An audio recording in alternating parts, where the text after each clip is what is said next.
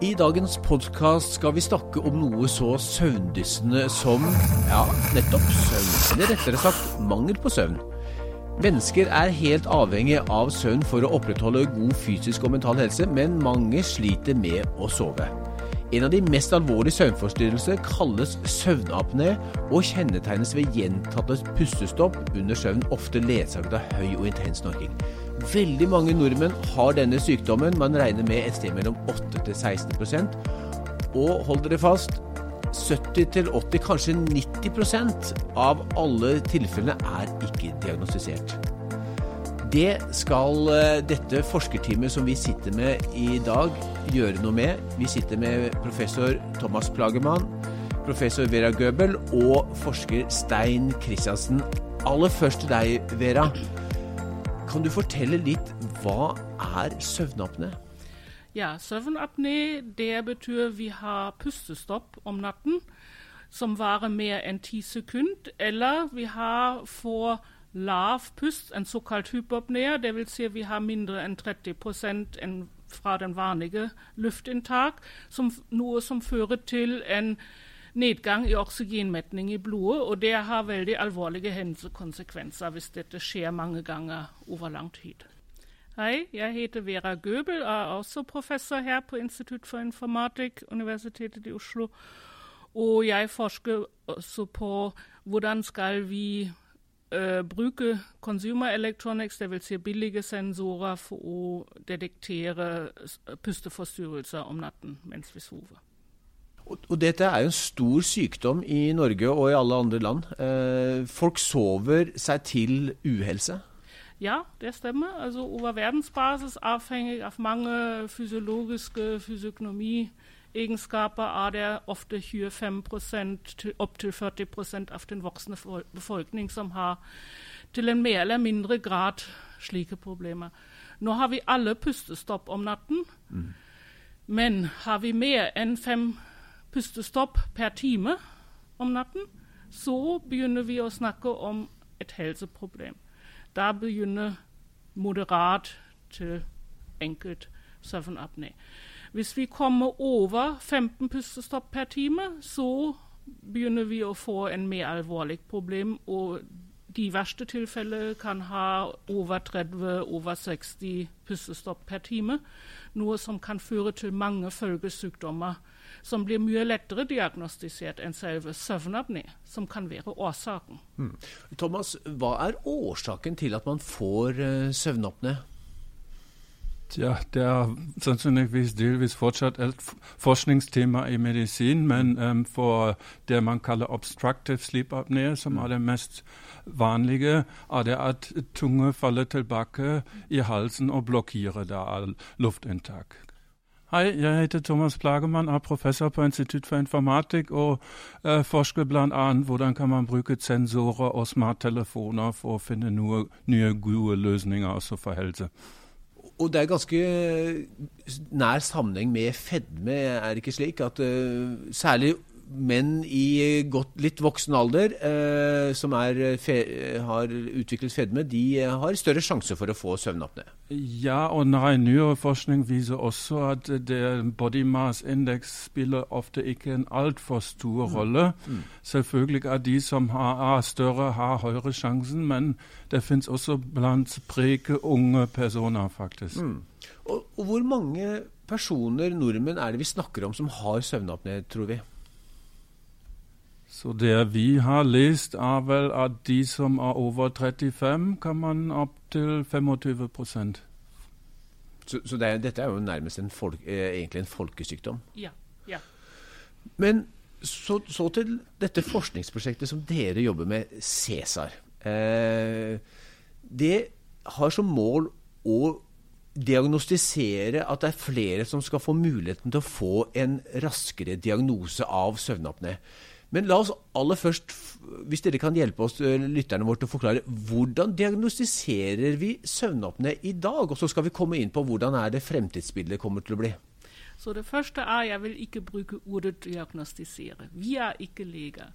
Vi skal bare detektere at det er pusteforstyrrelser om natten. Apnea-hendelser og hypopnea-hendelser, og hvor mange per time vi har. Den datainnsamling kan gi en veldig verdifull grunnlag for legen etterpå å bestemme, ikke minst søvneksperten senere, hvilken riktige medisinske diagnostikkmetoder burde vi bruke for å utrede en pasient for å se hvor alvorlig søvnapné er. Men som sagt, de aller fleste er kanskje litt trøtte om morgenen. De fleste vet aldri at de har søvnapné. Men du har for høyt blodtrykk, du får hjerte-karsykdommer, du får kanskje diabetes type 2. Men du vet ikke er dette årsaken eller symptomet for dine problemer. Men la oss si at eh, jeg mistenker eh, Min kone blir vekket hver natt av at jeg snorker, og, og, og, og sier at nå må gå, Hans, nå må du gå til fastlegen og så få, eh, en, få, få han til å se. Og så tenker fastlegen min OK, kanskje Hans eh, har eh, søvnapné. Hva gjør fastlegen da? I den klassiske tilfellet skal han da um, sette deg i ventekøen til et søvnlabor, hvor man gjennomfører det som er kalt en gullstandard, som er polysomnografi. Ja. Og da kan det hende dessverre at du må vente et år eller enda lenger for det. Så da må jeg sette meg i venteliste på, på, på kø, og, og, det vil ta ett til to år. Eh, hvorfor tar det så lang tid? De ressursene er dødt. Det er plass på sykehus, det er eksperter som må være til stede. Så det er rett og slett ikke nok ressursene i forhold til de som skal undersøkes. Stein, kan du forklare litt, når jeg da kommer på dette søvnlaboratoriet på f.eks. på Rikshospitalet, hva skjer der oppe? Da blir du utstyrt med en eh, god del ulike typer sensorer eh, for å måle da forskjellige fysiologiske signaler med kroppen som skjer om natta når du ligger og sover. Eh, det er da pustesensorer eh, du putter rundt eh, bryst og mage f.eks. For, for, å pust- for å måle da pustingen fysisk. Eh, sensorer du har i, i nesen for å måle gjennomstrømning av luft i nesen. Eh, oksygenmetningssensorer eh, og sensorer for å måle aktiviteten i hjertet. Da. Eh, elektrisk aktivitet, EKG. Eh, og denne blir du da liggende med Alle disse sensorene blir du da liggende med gjennom en hel natt uh, eller to. Mm. Uh, og, og denne maskinen tar opp alle disse signalene.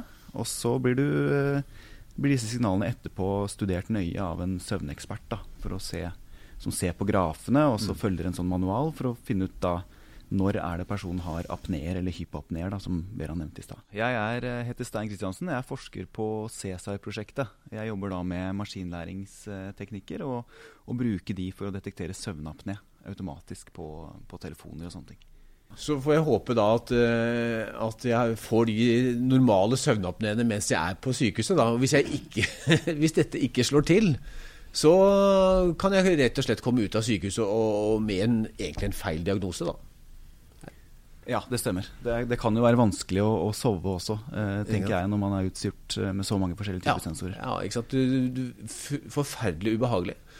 Det, men så er det da heldigvis den teknologiske utviklingen gjør at en del av denne, kall det overvåkningen, diagnostiseringen eh, Jeg skal være forsiktig med ordet diagnostisere, jeg er helt enig, Vera. Eh, men det finnes òg enklere løsninger. Foran oss her på bordet så har vi en eh, portabel polygrafiapparat. Eh, vi, hva, hva er det som er oppi den? Og den kan jeg ta med meg hjem isteden. Ja, det er, jo, det er jo et, kan man si, et subsett av de sensorene man får når man er i en sånn full scale eh, polysonografi. Da. Eh, Man har fortsatt disse pustesensorene rundt bryst og mage og oksygenmetning osv. Og, og, og, og nasal airflow, som det heter når du har det gjennom eh, altså i nesen. Men sensorene er jo ikke like, kanskje ikke av like høy kvalitet som det de, de har på disse søvnlabbene. Eh, og så har du en sånn liten portabel uh, enhet som, uh, som man har på seg når man ligger og sover. Klipper på, på T-skjorta. Eh, og så måler man da dette her kan man ta med den hjem, og så kan man måle hjemme i sin egen seng da, disse signalene. Men da må jeg på sykehuset og få utlevert denne lille kofferten. Ja, stemmer. Da blir det utlevert, og så får du en liten instruksjon på hvordan du skal sette på disse sensorene. Og denne kofferten, hva koster den? Ca. 100 000 kroner for én slik portabel søvnmonitor som man kan bruke for å monitorere søvn hjemme. Ja, og litt av problemet igjen, det er ikke det er ikke flust av denne type eh, søvnmonitoreringskofferter eh, å få tak i. Så, det, så det, her er det også en eh, venteliste. Ja, ikke minst. Du må ha instruksjon fra legen. Mm. Du må også allerede komme til et sykehus. Det er ikke din fastlege som mm. er kjent med slik utstyr. Da snakker vi allerede om folk som har medisinerne som har uh, ganske mye grunnlag for å detektere søvnapné osv. Jeg ser jo denne kofferten jo, Det er jo en liten koffert, men her er det mye dippedutter uh, og ting som skal fikses. Uh, det er ikke sikkert jeg føler meg helt komfortabel med å få dette til. så dette er liksom nivå to, hvis man skal kalle det. Men la oss nå komme inn på, på det som dere nå nevnte innledningsvis om altså nå finnes det jo smarttelefoner, det finnes smartklokker, sportsklokker, som også har en mulighet til å være innsamlingshuben for denne type søvndata. Og, og, her, og da, Nå er vi jo i kjernen på det som dere jobber med, altså det som kalles Cæsar-prosjektet hvor dere skal lage og bruke bl.a. Garmin-klokker, som vi har foran oss her. Sånne fine sportsklokker. Hvor dere skal da la pasientene få lov til å ta med dette hjem isteden, uh, for å avdekke om de har søvnapné. Thomas, vil du si noen ord? Du sitter med to flotte klokker foran deg her. Ja, så Det har dukket opp mer og mer teknologi som er mobil, som er små, og de som driver intenst med idrett, f.eks. er kjent med mange av disse mm. sensorene som overvåker puls og mange andre aspekter. Og det kommer mer og mer um, sensorer inn i telefonene og i klokkene. Mm. Og da er det f.eks. det spennende for oss på de Garmin-klokkene at de måler nå oksygenmetning. Ja. Og oksygenmetning er en av de signalene som er veldig viktig for å detektere om det oppstår en apné eller ikke. Når man holder opp en sånn klokke, så ser vi jo at uh, bak på denne klokken så er det noen, uh, noen blinkende uh, små ting, da. og det er, Thomas, det er det som måler det er det som måler O2-opptaket vårt? Ja, det er de optiske sensorene, men det er også optiske sensorene i de klassiske som man putter på fingertuppen. Det som er fordelen med den klokka, er faktisk den sitter ganske godt og fast på håndlenken, ja. Ja. mens den på fingertuppen kan hende at man mister den over natta. Og så går man glipp av en del viktige målinger her. Ikke sant? Så, så fra et, et, ekstremt kostbart opplegg på et syke som antakeligvis koster millioner av kroner, og trenger eh, teknikere og leger for å, å gjennomføre, og du ligger på sykehuset, så kan du Neste nivå det er å ta med en liten koffert hjem som er relativt kompleks, og du trenger en del opplæring. Pris 100 000 kroner, kanskje, cirka. Og så det siste nivået, tredje nivået. Du kjøper rett og slett en Garmin-klokke, eller får låne en Garmin-klokke. Uh, enkel å strappe på, uh, og den mister du aldri. Og den måler gode nok data, etter deres mening. Ja, Det er akkurat nå det som vi forsker ut. Hvor godt er den data, og hvor bra kan mm. man med det detektere om det er søvnapné eller ikke. Så Det er akkurat en arbeid som pågår akkurat nå med disse klokkene. Så, så, det som er uten tvil, det som skjer på sykehuset, der samler man inn de sikreste dataene. I denne kofferten ikke fullt så gode reliable data. Og så er det spørsmålet hva, hvor gode er dataene fra klokkene. Eh, har dere funnet noe ut allerede? Ja, vi har funnet ut allerede ganske mange ting. Vi har for det første studert offentlige datasett som kommer fra sykehusene, fra disse polysomnografi-målinger. Eh, og da har vi analysert alle disse 13 sensordata som blir samlet. Og ganske viktig her, her ligger man ikke bare med sensorer i seng, i sykehusseng, men disse sensorer er tilknyttet med kabel. Så man kan ikke stå opp ut av mm. seng eller snu seg, og det er to personer som må se på deg hele natta. Så ja, disse data har vi analysert, det er de beste. Mm. Og da har vi funnet uh, ut hvor mange sensormålinger trenger vi egentlig. Hvilken type signal kan egne seg for å detektere med la oss si 90-95 sikkerhet alle, eller de fleste apnéhendelser. Og da har vi kommet til at en pustebelte rundt magen og uh, oksymetermålinger slike ting kan være all, i seg sjøl allerede god nok til å fange opp de aller fleste mm. apnéhendelser. Mm.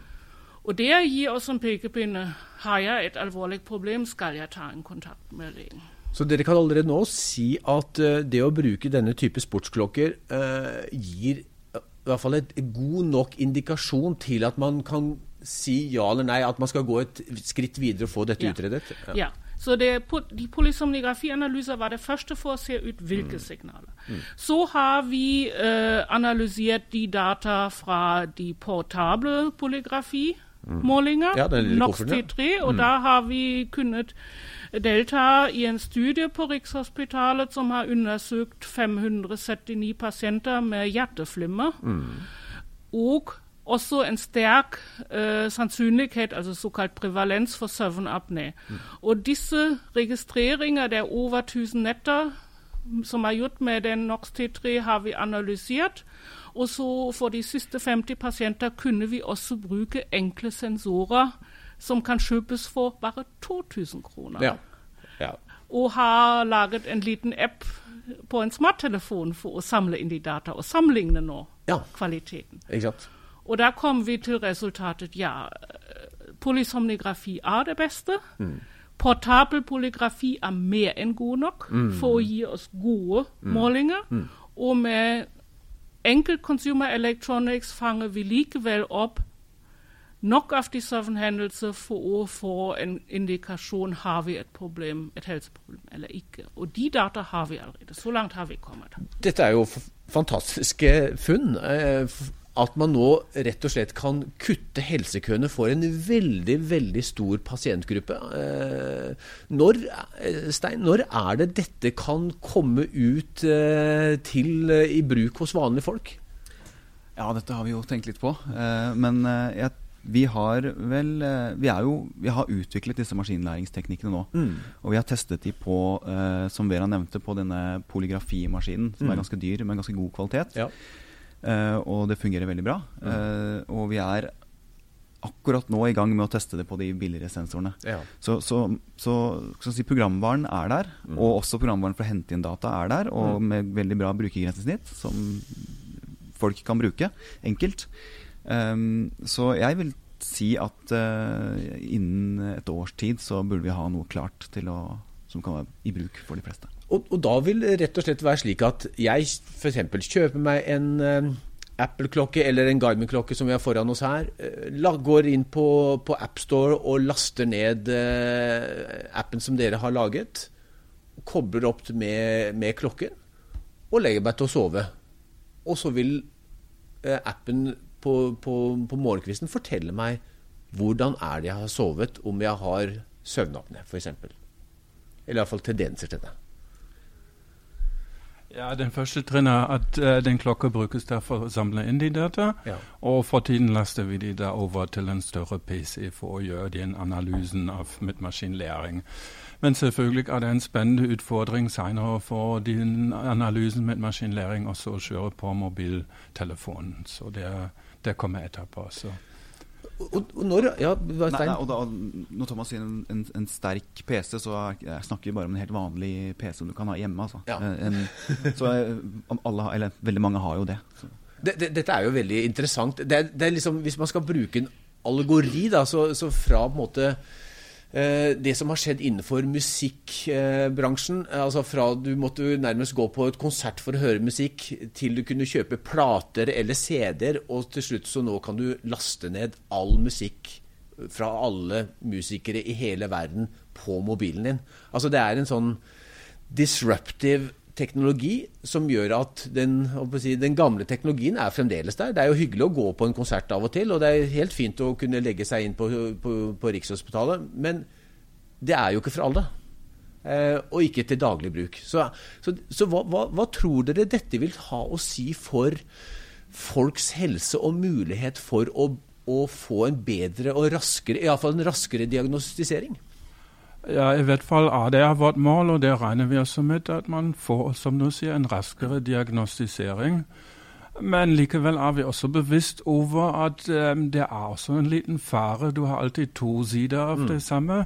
Og det kan være at man tar en overdiagnose. ikke sant? At man tror alt som alle slags appene mm. sier, mm. og så kan man bekymre seg. Så her er det noen ting som vi også diskuterer med kollegene på, på Universitetet i Oslo, som jobber med etiske spørsmål i konteksten av medisin. og også ikke minst juridiske spørsmål. Så hva skjer hvis appen sier noe feil? Hvem har ansvar for denne feilen, f.eks.?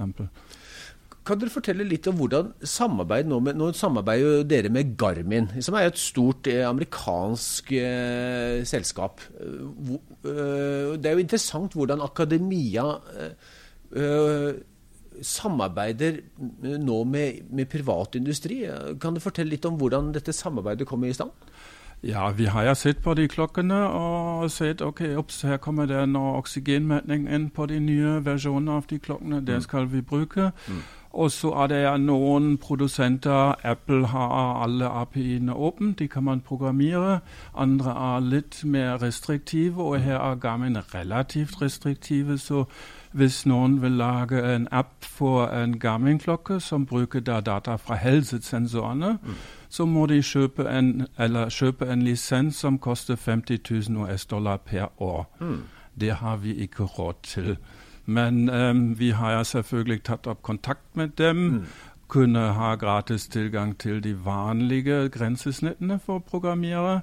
Og så har vi nå i første omgang en såkalt evalueringslisens for 90 dager, men som vi sannsynligvis kan utvide uten problemer. Gratis. Og vi fikk også på lånebasis flere ulike modeller fra Garmin her tilsendt, slik at vi kan gjennomkjøre de eksperimentene og alt. Og selvfølgelig for Garmin er dette big business, og mm. det er ganske klart. Og Garmin sjøl gjør ingen forskning, som jeg har forstått, så da er de selvfølgelig happy hvis um, akademiske institutter f.eks. bruker disse klokkene. Og de har også brukt de andre studier i USA relatert til søvn. Hmm. Spennende. Vera, du er jo prosjektleder for dette og professor. Hva ser du for deg er eh, nytteverdien av, av dette, både for uh, pasienter og for ja, f.eks. Garmin? Ja, det er flere uh dimensjoner her. For det første er hva vi har sagt før, det er veldig mange som aldri blir undersøkt for søvnapné, men går til legen med mange følgesykdommer som høy blodtrykk, som sagt, hjerte-kar-problemer, kanskje diabetes type 2. Men kanskje responderer du ikke på din behandling. Det er mm. veldig mange som sliter med det en årsak kan være en, en, en vekselvirkning mellom søvnapné og disse andre følgesykdommer. Så man har allerede nå i prosessen på forskningsfronten på medisin og også informatikk å undersøke slike vekselvirkninger. Så mm. Derfor er det veldig viktig å få mer monitoreringsdata mm. over vår helsetilstand. Mm. Og det er det neste trinn. Ofte er det ikke nok å monitorere bare én-to netter mm. i et sykehus, mm. hvor alvorlig mitt problem er. Og jeg vil monitorere hvordan min helsetilstand utvikler seg over lang tid. Det kan jeg heller ikke gjøre med den portable polygrafi. Det er også for dyrt og for kostbart. Mm. Men hvis jeg har en god utredning og har trent med maskinlæring classifiers for mine symptomer, og min tilstand, så kan jeg bruke dette på smarttelefonen med noen få enkle, billige sensorer, en Garmin-klokke, andre pustesensorer i tillegg, for å monitorere min tilstand hjemme videre. Mm. Og dette kan være ekstremt nyttig for min helsetilstand og for mine leger. for å følge meg opp. Altså Her ser vi jo et eksempel Stein, hvor, uh, som Vera sier, hvor, hvor helsetjenesten flytter seg ut av sykehusene og inn, uh, si, i dette tilfellet inn i heimen og på håndleddet til den enkelte Ikke nødvendigvis pasient, men, men, til eh, den enkelte borger. Altså alle som er opptatt av helsa si. Hvis vi, hvis vi ser på, på sånn sikkerheten på data, og, og, hvor er det disse data havner hen? Eh, hvilke tanker gjør dere om dette? Ideelt så skal jo dette inn i en pasientjournal. Er det ting som dere jobber også med her eh, på instituttet? Ja, så det her med Hvis du tenker på det med privacy og, ja. og sånne ting, så er jo det et, et, en ting vi hele tiden må tenke på. Mm. Uh, uh, vi i vårt forskningsprosjekt uh, har ikke fokusert så mye på det Mm. til nå. Mm. men vi har en doktorgradsstudent som, som jobber med ting som kan være veldig nyttig for den i den sammenhengen der. Mm. Jeg vet ikke helt hvordan dette her eh, kommer til å bli brukt i forhold til pasientjournaler og sånne ting. Det, det, Det ligger litt, litt fram i tid, ja. Ja, Foreløpig så og, og når er det dette prosjektet vil konkludere? Um, CISA-prosjektet uh, kjører til februar 2021. Ja. Så en og et halvt år fram i tida. Ikke engang. Men vi jobber allerede nå med å få følgefinansiering, følgeprosjekter, på en helt klar Dette var bare starten av en isfjell. ja. Toppen av en isfjell. Så um, vi har såpass lovende resultater, men vi vil nok ikke i løpet av dette ene fireårsprosjekt CESAR komme så langt at vi har alle ting utredet og forske ut, men vi har oppnådd ganske mange resultater, og vi prøver å fortsette Mm. Jobber dere også med å patentere rettighetene til, eh, til disse løsningene som dere nå jobber ut? For tiden har vi ikke sett på patenteringen, men selvfølgelig ser vi litt på um, om det er mulig og fornuftig å ta en kommersiell løsning, eller om man vil tilby det gratis. og Det, det er ulike tilnærminger, og det er ikke ennå helt klart hva slags businessmodell kunne ligge bak for å eventuelt kommersialisere det. I program, eh, Maskinvare kjøper vi, så der har vi ikke noe å patentere. Så det ligger der på programvaresiden. Og det er alltid litt ikke rett frem å patentere programvare. Spesielt hvis man også bruker det et eksisterende verktøy for maskinlæring osv. Så, videre. så da er det litt Og ehm, den andre siden, jeg skulle bare legge til det, det spørsmålet med privacy. Så det er for tiden en løsning er enkelt at um, alle data er bare fysisk tilgjengelig for den som har det på telefon, respektive på dem som analyserer det. Og det er da legen eller oss, og da ligger de på et sikkert sted. Så for tiden blir ikke sendt noe over internett eller lignende ting. Så da passer vi på, men vi har ingen superløsning. Så. Nei. Men hvis dette skal selvfølgelig tilgjengeliggjøres for en stor, altså legges ut på AppStore, så vil man jo da måtte ha en løsning hvor man laster dataene opp i, i skyen, slik som f.eks. Apple har for eh, deteksjon av flimmer, hjerteflimmer, som, som de er ganske store på nå. Ja, det er riktig. Eller nei, det er feil. Begge deler. Det er litt avhengig av produsentene. Apple vil at alt går gjennom sant. iClouden. Det er helt riktig. Ja. På Garmin kan vi få alt rett fra klokke inn på telefon. Mm. Så da omgår vi noen skytjenester. Og så kan man tenke seg at man tar med telefonen til fastlegen og laster der de data på PC-en til fastlegen. Så også det at man kan omgå faktisk at det blir data sendt over nettet og bare ligger på kjente maskiner. Veldig interessant. Vera, du var inne på at dette var bare toppen av isfjellet. At dere jobber også med andre eh, modeller og ideer her. Kan du fortelle litt om det? Ja, som, som vi har vært inne på, hvis vi tar opp data med disse sensorer, hvem eier de data? Hvis jeg bruker Google og sender alt til en lagringsplass, så eier Google det. Eller som Thomas var inne Apple vil alle ha ting i iCloud. Uh, jeg er litt skeptisk til disse skytjenester, pga. vet vi ikke hvor våre data ligger, hvem eier de data osv. Og eh, så langt er det ikke klart om medisinerne, legene, aksepterer maskinlæringsløsninger. Så vi jobber også eh, videre med det. Hvordan får vi såkalt explainable machine learning? Det vil si at det hva blir automatisk analysert, at legen kan etterfølge trinn for trinn. Hvordan kom vi fram til de og de resultater, til disse data, for å ha en bedre grunnlag for den medisinske diagnostikk senere. Uh, ikke minst det med privacy. Disse løsninger må vi, derfor må vi finne en god og sikker løsning. Uh, og også de rettslige situasjoner. Derfor har vi da også uh, kontakt med juridisk fakultet her med personvernsrett, for å se hvilke konsekvenser har de nye lover, og hvordan må vi forholde oss til det. Dette er jo kjempeinteressant. Stein, du, du, har jo jobbet mye med denne softwaren, altså denne maskinlæringsverktøyet. Den må vi helt nå på, på tampen si noe om. Uh, er Det som Vera er inne på, er at i dag så, så, er det jo en relativt kompleks jobb for en lege å sitte og analysere alle disse dataene som kommer inn via en natt, eller i, tilfelle, i dette tilfellet flere netter det, det, dere her jobber med, og som du har ansvaret for akkurat i dette prosjektet, det er å lage en maskinlæring som gjør at uh, legene får hjelp til denne analysen. Kan du fortelle litt om det? Ja, altså det vi vil, er jo at maskinen selv automatisk skal uh, si fra når det er en apné, og når det ikke er en apné, når man mm. ligger og sover. Uh, og det finnes jo automatiske software som gjør dette her automatisk, f.eks. spesielt til disse mm. litt dyrere kitsene. da. Mm. Uh, Eh, som er laget av de, spesielt for denne typen, eh, denne, typen uh, sensorer. Mm. Det vi gjør, er å bruke maskinlæringsteknikker som istedenfor at noen manuelt går inn og beskriver hvordan en apné ser ut, mm. så skal programvern lære på basis av masse eksempler som den har fått, hvordan en apné ser ut, og hvordan normal pust ser ut. Så dette er eh, veldig ofte nevrale nettverk, kunstige nevrale nettverk, eh, som, eh, som, gjør denne jobben her, da. Som vi bruker, da.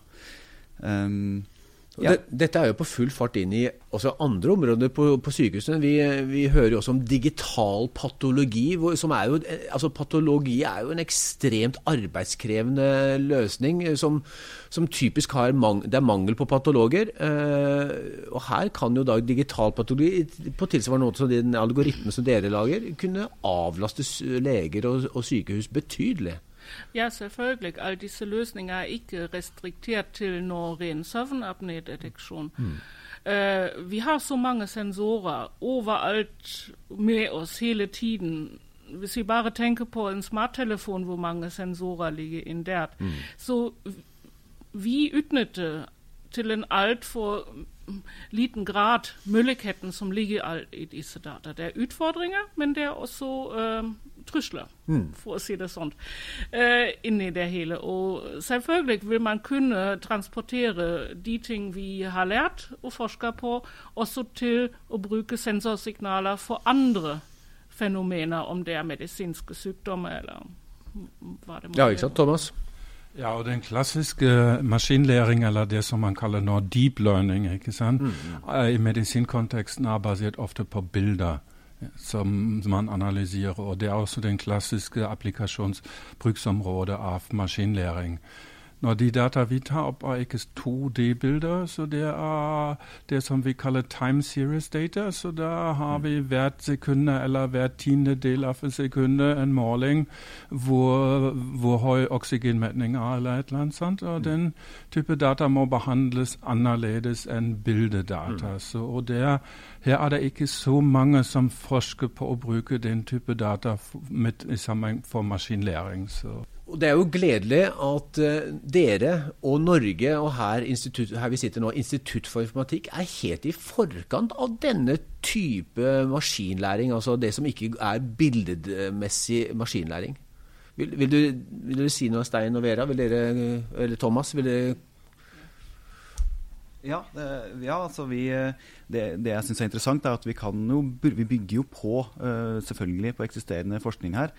Og, og, som Vera sier, så kan disse teknikkene brukes selv om de er laget for bilder eller time series generelt. Mm. Altså, så bruker vi mye av de samme teknikkene uh, våre, uh, for våre data. Mm. Men vi må utvikle de uh, og, og, forbedre de. Så vi har jo som sagt da, en doktorassistent, Konstantinos, som jobber med faktisk å utvikle disse maskinlæringsteknikkene fundamentelt. Da. Mm, mm. Ja, og en av de uh, hovedstyrker fra CESA vil jeg si er den sterke interdisiplinære arbeid vi har. Mm. Vi har veldig god kontakt til mange leger og medisinprofessorer på Rikshospitalet og Ullevål sykehus, og ikke minst Loisenberg, hvor den ene søvneksperten jobber. Um, den samarbeid har koster oss sikkert to-tre år tid for å forstå i det hele tatt hvordan mm. burde man medisinsk analysere og tilrettelegge de data så at det er til nytte for medisinsk diagnostikk. Mm. Og det er vårt styrke at vi uh, ikke bare bruker maskinlæring, det gjør mange andre også.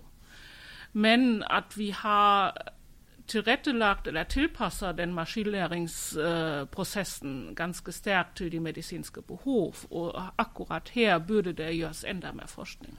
Veldig spennende å, snakke med dere alle tre. Og vi vet at som dere selv sier, det er et stort team som ligger bak her. Både av doktorgradsstudenter og, og studenter her, og ikke minst fra det medisinske miljøet rundt her i Oslo. Tusen takk, eh, Thomas, Stein og Vera, for at eh, dere ville være med oss og fortelle om eh, dette. Vi har en mistanke om at vi har en liten form for søvnapné, så, så, vær så snill, fortell meg når jeg kan laste ting ned fra AppStore, så skal jeg ta Garmin-klokken min og ta en god natts søvn. Ja, og tusen takk for den anledning at vi kunne ha dette intervjuet. Så du skal være blant en av de første som får tilgang til den appen når den er klar. Takk, takk, takk for i dag. Stein, famous last, last words? Nei, jeg, jeg, jeg synes det er et veldig spennende prosjekt. Og jeg, ja, jeg, tror vi kommer til å få til noe da innen, innen et års tid. Mm. Tusen takk skal dere ha. Vi snakkes.